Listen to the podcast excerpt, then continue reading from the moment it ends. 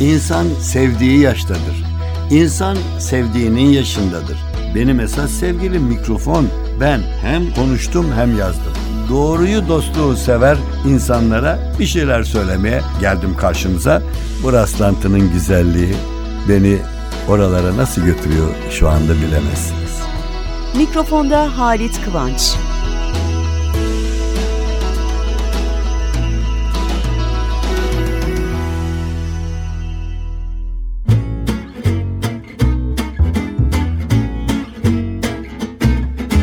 Merhaba dostlar. Yine birlikte olmanın mutluluğu içindeyim. Şimdi bakın radyoyu niye seviyorum? Birbirimizi görmüyoruz ama şu anda sesleniyoruz. Kulaktan kalbe gidiyoruz. Dostlukla sesleniyoruz. Şimdi yan yana oturup birbirine kavga eden insanlar olmaktansa uzaktan birbirini tanımadan görmeden sadece duyarak dost arkadaş olmak ne kadar güzel. Ben kendimi öyle hissediyorum. Ben kendimi ilerlemiş yaşında hepinizin Hepinizin deyince kiminizin abisi, kiminizin büyük abisi, kiminizin amcası, kiminizin dedesi, yakında kiminizin dedesinin babası falan durumları da olacak zannediyorum. Gidiyoruz oralara. Bundan dolayı da çok memnunum. Üstelik sizi görmüyorum ama gözümün önünde beni dinleyen dost kulaklar var ve o kulaktan göze geçiyorum. Dost bakışlar, sonra yüze geçiyorum. Yüzünüzde hafif bir tebessüm. Böyle dinliyorsunuz. Benim amacım da bizim yayın günümüze göre biraz hafta sonuna rastladığı için mutlu oluyorum. Yüzünüzü şöyle hafif hafif tebessüm ettirmek, güldürmek, kahkahalar attırmak değil icabında bazı espriler yapıyoruz yahut bir yerlerden taşıyoruz size. Harbiden dediğim gibi insanoğlu bir e, teorik olarak en büyük hammaldır. Sadece yük taşımakla değil, birinden aldığı lafı taşır. Ama kötü laf taşırsa dedikodu olur. İyi laf taşırsa hele neşeli lafları götürürse onları güldürür, morallerini arttırır. Ben öyle bir görev yapmak istiyorum. Şimdi bunun için de sık sık yıllar önce ben bilenler biliyor gazeteci olarak da köşe yazarı olarak da yani gazetelerde gazete yöneticisi olarak falan da çalıştım. O önemli değil. Önemli olan benim yazı yazmam ve o yazılarımın da birçoğunu saklamışımdır. Muntazam. Şimdi bakın elime alıyorum. Halit Kıvanç'ın not defteri diye bir yazı. 25 Aralık 1984 94 2004 2014'de de az kalmış yani neredeyse 30 yıla yakın. Başlık manken mi kıyafet mi? Ha şimdi bunu niye yetkiyle yazmışım o zaman biliyor musunuz? Ben o zamanlar sonra da oldu. Benim futbol maçı anlatmak, spor spikerliği, gazetede yazmak, sahne şovu, sunuculuğu yapmak, gülmeceler iletmek. Bunların yanında bir de işte köşe yazısı fakat defile sunuyorduk. İlk moda gösterilerini nur içinde yazsın rahmetli Orhan Boran kardeşim sunardı. Sonra onun genç arkadaşı diyeceğim Erkan Yolaç bizden genç ama o da ilk üçün içindeydi. Üçüncüsü de bendim. Defile oldu mu Orhan'a, Erkan'a bana gelirler. Biz de gider defile sunardık ve birbiriyle rakip değil sanki aynı takımın oyuncusu gibi sevgiyle getirirdik. Oranı rahmetle anıyoruz. Erkancığımı gördüğümüzde oturuyoruz, konuşuyoruz sevgiyle. O zaman ve ben o yetkimle bir yazı yazmışım. Bilhassa hanımlar tabii dikkatle dinleyecek şimdi. Şöyle başlamışım. Defilede elbise mankenden önde gelir. Bu dünyanın çok yerindeki manken kurslarında, modellik okullarında öğretilen ilk prensiptir, ilk ilkedir. Elbette güzel bir manken başarılı yürüyüşüyle ilgi çekecektir. Üstündeki giysiyi iyi taşımakla da dikkatleri toplayacaktır ancak bir noktaya kadar. O noktanın ötesinde kendinde toplanan ilkiyi üzerindeki giyime aktarmasını bilmesi lazım. İşte en iyi manken, en güzel manken önce elbiseyi tanıtma görevini yeteneğiyle, becerisiyle, güzelliğiyle birleştirip sunan kişidir. Genellikle de bu sunan kişi bir güzel hanım kızdır. Erkekler için yok mu? Ben size söyleyeyim. O ilk başlayan mankenlik döneminde öyle ciddi üniversite mezunu iş sahibi manken arkadaşlarımız vardı erkek ve evli barklı çoluklu çocuklu hanımlar. Sırf o yakışıklıyı görmek için gelirler. Ve sorarlardı elbiseler nasıldı dendiği zaman Aa hanım elbiseleri şöyle şöyle anlatırlar. Erkek kıyafetleri ne kıyafeti kim baktı kıyafete erkeklere baktık diyenler çoktu o zamanlar. Bazı ülkelerde bir ara yayılan ama şimdi oralarda da gözden düşen bol danslı defile akımı başladı sonra. Podyumları bizde de kapladı. Uf, danslar ama ne şovlardı biliyor musunuz? Muhteşem. Büyük firmalar öyle defile yaparlar bir hafta. Ve o zamanın en büyük otelinde, uluslararası çaptaki otelde bizler de dediğim gibi rahmetli Andım Orhan Boran, Erkan Yolaç ve ben e, biz çıkar o defileleri sunardık. Biz her şeyden önce bazı defilelerde çıkan mankenlerin yüz güzelliğinin, mankenin yürüyüşünün konuştuğunu da unutmuyoruz. Çünkü o zaman yani nasıl diyeyim e, gelenler aa o siyah tuvalet ne güzeldi. o yeşil takılar falan filan. Ama ayol bir kız çıktı ne güzel. Bir oğlan ama ne yakışıklı. Her ikisi beraber söylenirdi. Efendim Şimdi o sırada bir defile sunmuşuz falan ve mankenler gelmiş birbirini tam, tamamlamış. Mankenler elbiselerin önüne geçmiyorlarmış. Bakın o zamanki en önemli olay defileyi yöneten sorumlu kişi ve bilen kişi hele batı dünyasında bulunmuş yetkili kişi derdi ki arkadaşlar manken elbisenin önüne geçemez. Çok güzel bir kızsınız, çok yakışıklı erkeksiniz. Manken olduğunuza göre vücut yapılarınız da güzel. Ama önce elbisenin güzelliğini sunmak güzelliği sizin için önemli. Sunulan giyimler içinde pek güzeller olduğu gibi pek fazla güzel değil. Hele bazı yeni modalar iterdi. Gelirler kadınlara bu giyilir mi? Yahut erkek kardeşim böyle bir ceketi ben giymem falan. İşte onu giydirecek şekilde giyecekti manken. Mankenin zorluğu, güçlüğü, omuzundaki yük buydu. Uzun sözün kısası ben şunu söyleyeyim. Bugün öyle değil demiyorum ama o zaman bizde yeni başlamıştı ve çok önemliydi. Mankenlik bir sanattı, defile bir sanat olayıydı. Müziği, filmi, dansı, koreografisi hepsi birleşirlerdi. Ama bu birleşmede doz iyi ayarlanmalıydı. Sadece manken değil, dansta, gösteride giyilenlerin önüne geçmemeliydi. Defilede başrol giyimdeydi, kıyafetteydi. Unutulmasın ki disco gösterisi kopyası olmaktan sıyrılan bir defilenin zarif atmosferinde bir manken de sanat gücünü ve kişisel güzelliğini çok daha rahat gösterebilirdi. Bugün de gösterebilir. Ne diyorum? Unutmayın gençler hele mankenliğe hevesli olanlar elbisenin önüne geçmeden de dans figürleriyle zıplamadan da kendini gösterebilmek, ha işte mankenlik odur işte. Asıl marifet odur. Neler yazmışım ya, neler yazmışım. Ama pek de yanlış yazmamışım mi hanımefendiler? Biraz sesle sesleniyorum. Sokağa çıkarken kendisini manken gibi hisseder birçok hanım. Doğrudur. Ve bu yolda da yürüyen hanımlar. Çünkü hatta akşama bütün gün çalışmış yorgun gelecek eşinize kapıyı açarken üzerinize giydiğiniz kıyafetle de ona yorgunluğunu unutturabilirsiniz. Gelip aa bu ne yakışmış sana falan dediği zaman işini unutmuş demektir. Efendim mankenlik güncel hayatımızın içinde de var. Her güzel hanım ya da güzel görünmek sanatını bilen hanım giyer, giydiğini yakıştırır ama yürürken de biraz dikkatli. Bakın sorun arkadaşlarınıza gençler Ay şu kız falan dedi. Ne biçim yürüyor öyle asker gibi. Öbürü ne biçim yürüyor böyle bilmem ne gibi. Asker kötü yürümüyor ama rap rap diye yürüyor. Yahut da işte futbolcu gibi böyle koşar gibi. Demek ki mankenlik erkekler için bir meslek olabilir.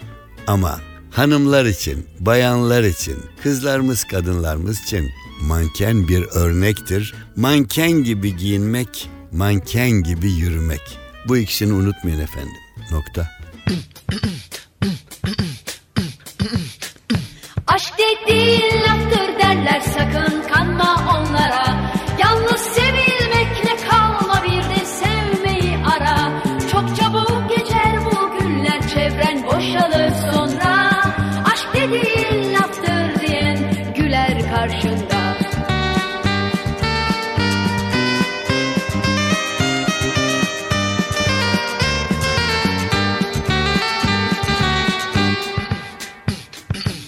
Güzelliğin, gençliğin henüz bitmeden Etrafını saranların hepsi gitmeden. Sevmeyi öğrenirsen ne mutlu sana. Haydi ne duruyorsun koş sana aşka. Aşk dediğin laftır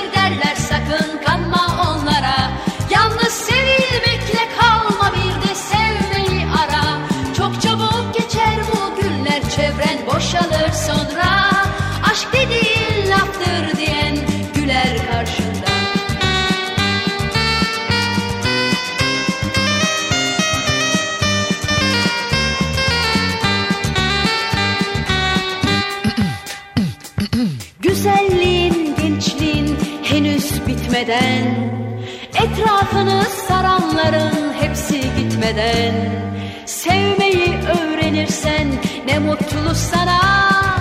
Haydi ne duruyorsun koş sana aşka. Aşk dediğin laftır derler sakın kanma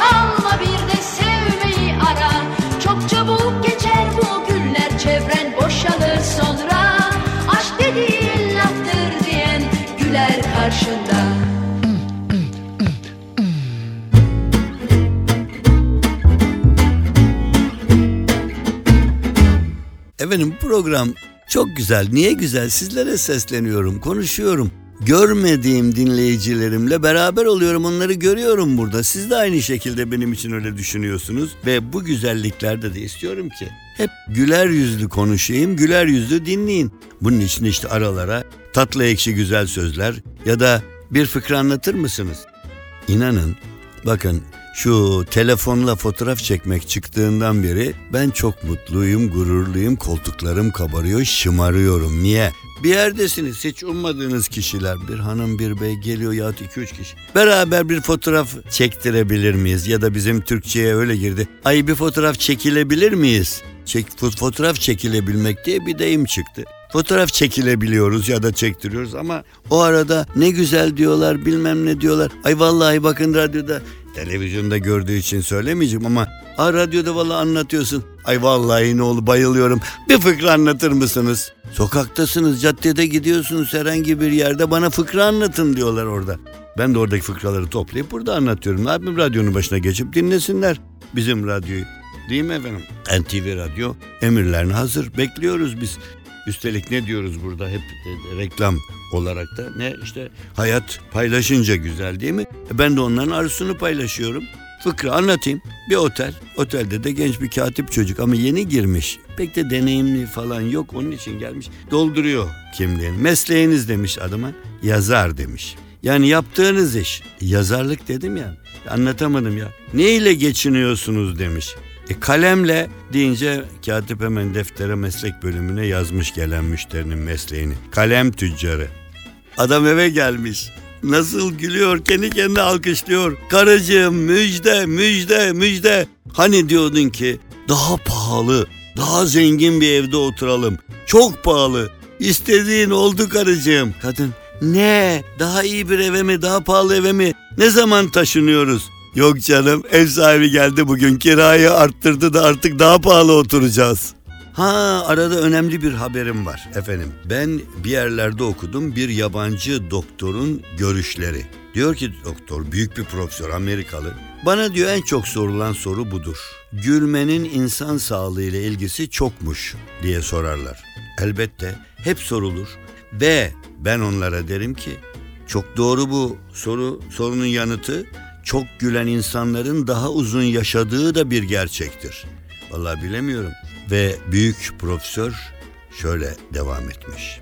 İçten bir kahkaha kalpten diyabete, hipertansiyondan obeziteye kadar birçok hastalığa karşı insanı korur. Ne yapacakmış hasta gülecekmiş. Şimdi buna gülüyorsunuz bu söylediğim lafa. Bu program seyredilsin diye söylemiyorum ben. Adam yazısını başlığa çıkmışlar Amerikan gazetesinde. Gülmek kalbe en iyi gelen ilaç diye. Amerika'da bu konuda araştırmalar o kadar ilerlemiş, o kadar ilerlemiş ki gülmenin insan sağlığı üzerindeki olumlu etkisi üzerine en ciddi profesörler işin komiği Amerika'da böyle yazmış zaten. Diyor ki üç tane profesör bu konuyu televizyonda çıkıp anlattılar. Üçünün de yüzünde bir damla gülme bir damla tebessüm yoktu. Suratlarına asmışlar çatık kaşla gülün millet gülün gülerseniz kalbinize iyi gelir diyor. Hiçbiri gülmüyordu diyor. Karar sizin. Sevgili dostlar bir değişiklik getiriyorum. Büyük bir değişiklik değil. E, daha evvel de ara sıra verirdim ama artık benim öyle elime kitaplar falan geçti ki Türk klasiği olarak maniler. Hani mani olmak vardır. Ay bir şey yapacağım ama hep mani oluyorlar. O mani değil. Bu mani eskiden ne bileyim e, televizyon falan olmadığı devirlerde tiyatroya falan gidilir. Sanatçılar, komedyenler ya da radyoda şarkıların arasında o şarkı olur. Manidir o. Mani halk dilinden gelen, kimin yazdığı belli olmayan küçük dörtlüklerdir. Şöyle bakın hemen sayfayı çevirdim. Ne diyor, ne diyor? Dolu musun, boş musun? Yar benden hoşnut musun? Yıkılsın meyhaneler. Sen gene sarhoş musun? Bir başka türlü güzeli var bak güzeli. Dumanlı derelere, düştüm derin göllere. Benim adetim nedir?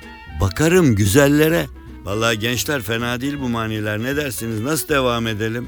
Nasıl devam edelim? Dur bakayım çevireyim sayfayı. Bir başka türlüsü ne diyecek? Beyaz giyme tanırlar, seni yolcu sanırlar. Gezme, yör hep yerlerde, seni benden alırlar. Oo bu kıskançlıktır ama olmuş bu. O zaman, o zaman, o zaman. Efendim bu da biraz yağcılık var bu işte ama ben tavsiye ederim böyle olun. Beğendiğinizi sevin, sevdiğinizi beğenin. Mani ne diyor? Ben yandım seni bilmem. Can yandı teni bilmem. Göz açtım, seni gördüm. Senden gayrı yar bilmem demiş. Efendim sizlere de bunu tavsiye ederim. Doğru bir ilaç tavsiyesi bu çünkü. Ya böyle işte gülmek kalbe iyi geliyormuş. Nerede bulursanız fıkralar falan okuyun. Gülünecek şeyler. Ha yalnız bana kızacaklar ama. Bazen büyüklerimiz, sorumlu büyüklerimiz, hani görevi çok ciddi olanlarımız bile öyle ciddi konularda öyle ciddi şeyler söylüyorlar ki inanın millet bazen bu ciddi söylendiği söylenen sözlere öyle bir gülüyor öyle bir gülüyor ki. Onun için Allah insanı güldürsün ama hem kaderinden güldürsün hem dinlediği güzel şeylerden güldürsün. Ciddi olay yapıyorum, ciddi iş yapıyorum deyip de gülünç olanlar Hadi hadi tatlı bağlayalım tatlı bağlayalım. Her şey güzel olsun. Haftaya buluşuncaya kadar yüzünüz hep gülsün.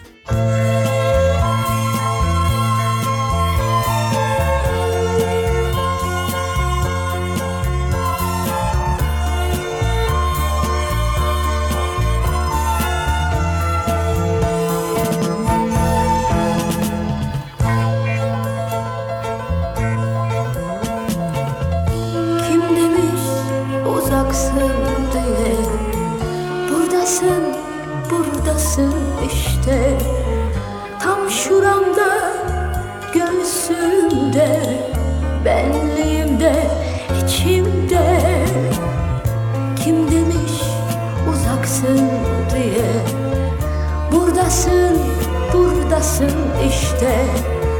Tam şuramda, göğsümde, benliğimde, içimde.